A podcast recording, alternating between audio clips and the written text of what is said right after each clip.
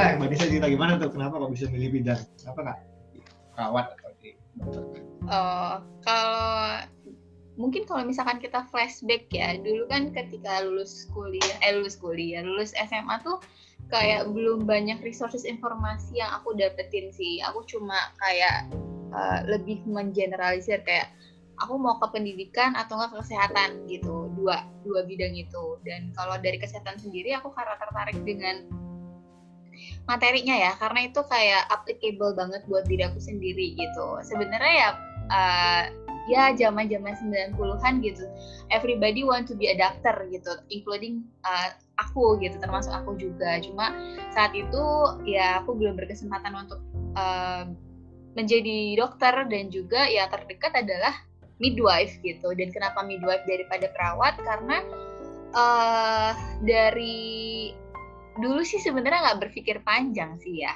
Nggak kalau sekarang sih kalau ditanya kalau reasonnya sekarang mungkin berbeda dengan jawaban aku reasonnya dulu gitu. Kalau uh, sekarang ya aku tertarik banget sama materinya gitu. Karena midwife itu kan lebih ke kesehatan ibu dan anak.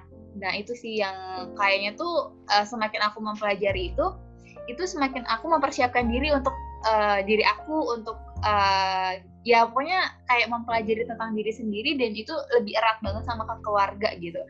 Anak terutama anak ya. Itu sih kalau reason aku kejawab kan ya.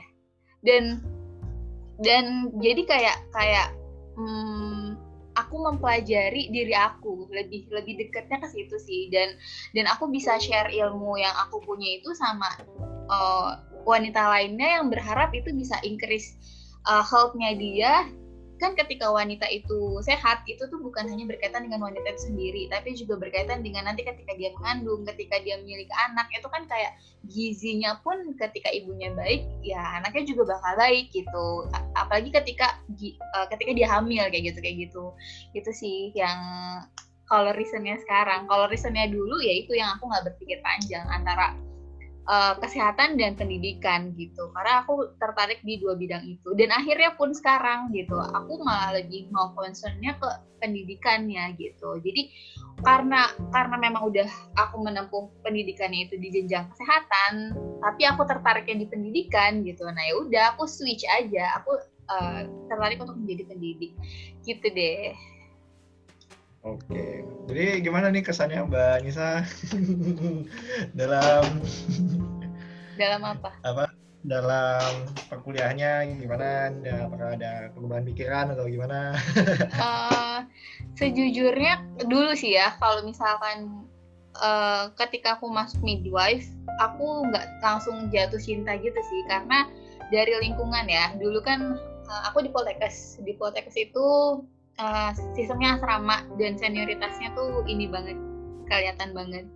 Sebetul sebetulnya pas awal itu aku nggak betah banget gitu karena lingkungan sih bukan karena ilmunya gitu. Kalau karena kalau ilmunya sih aku betah-betah aja.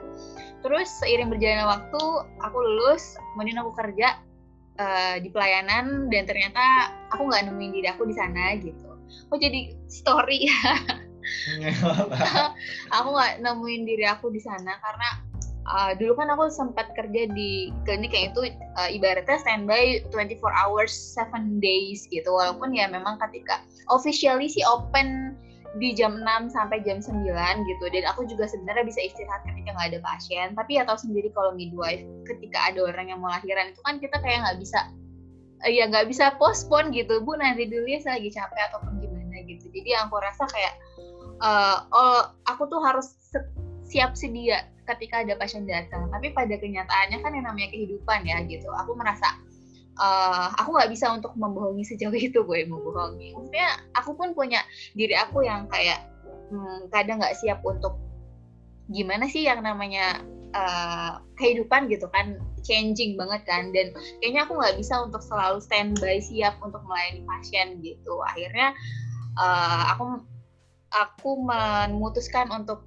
mencari diri aku di line part gitu uh, dengan cara ya melanjutkan pendidikan untuk melanjutkan pendidikan untuk lebih membuka diri kayak gitu. Terus akhirnya ya aku melanjutkan pendidikan dan alhamdulillah sekarang udah selesai. Uh, dan sebenarnya aku kan nggak terlalu linear banget ya. Aku dari kebidanan ngambil tuh kesmas gitu. Nah, uh, kenapa? Sebenarnya kalau kenapa sih panjang ceritanya. Cuma ketika aku belajar kesmas, ya aku juga jatuh cinta gitu sama kesmas itu sendiri.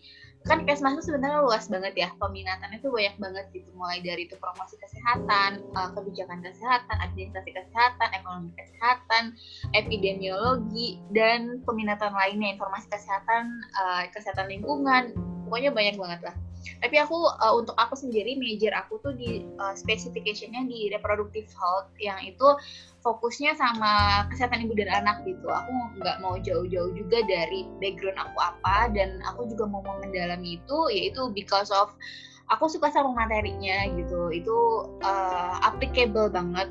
Uh, walaupun mungkin mungkin belum banyak uh, kontribusi aku atau gimana gimana tapi setidaknya ilmu yang aku dapetin itu aku bisa bisa terapin untuk diri aku sendiri kayak gitu. Uh, pendeknya lah ya gitu. Pendeknya uh, apa yang aku dapetin itu bisa aku terapin minimal untuk diri aku sendiri kemudian ketika aku menjalani kesmas aku juga jatuh cinta sih sama kesmas sejujurnya gitu. Kenapa? Karena yang tadi aku sempat bilang juga kalau sudut pandang aku lebih dilebarkan. Yang dulu kalau midwife kan itu kan person to person ya. Jadi uh, lebih ke ya kuratif mungkin. Walaupun sebenarnya kita juga diharuskan untuk preventif dan promotif juga. Cuma lebih ke kuratif banyaknya gitu yang aku rasain.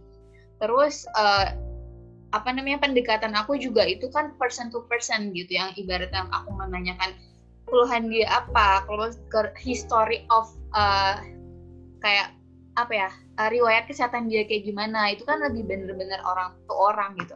Tapi ketika aku menjalani dunia hesmas itu beda banget sih. Uh, sudut pandang aku jauh banget ditarik untuk uh, nggak hanya memandang person to person aja tapi banyak hal yang uh, harus diperhatiin. Dan itu memperlebar banget uh, sudut pandang aku.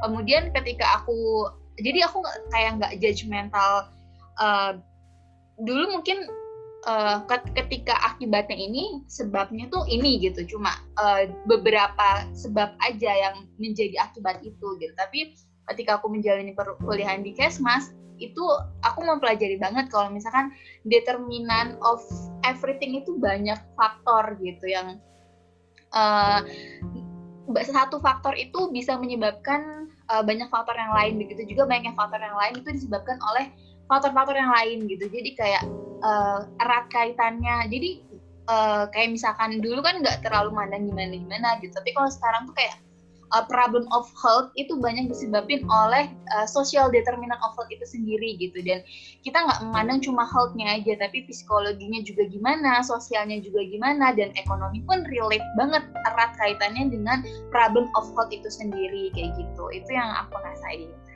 Wow panjang banget aku cerita. Jadi ini udah bisa dua episode nih.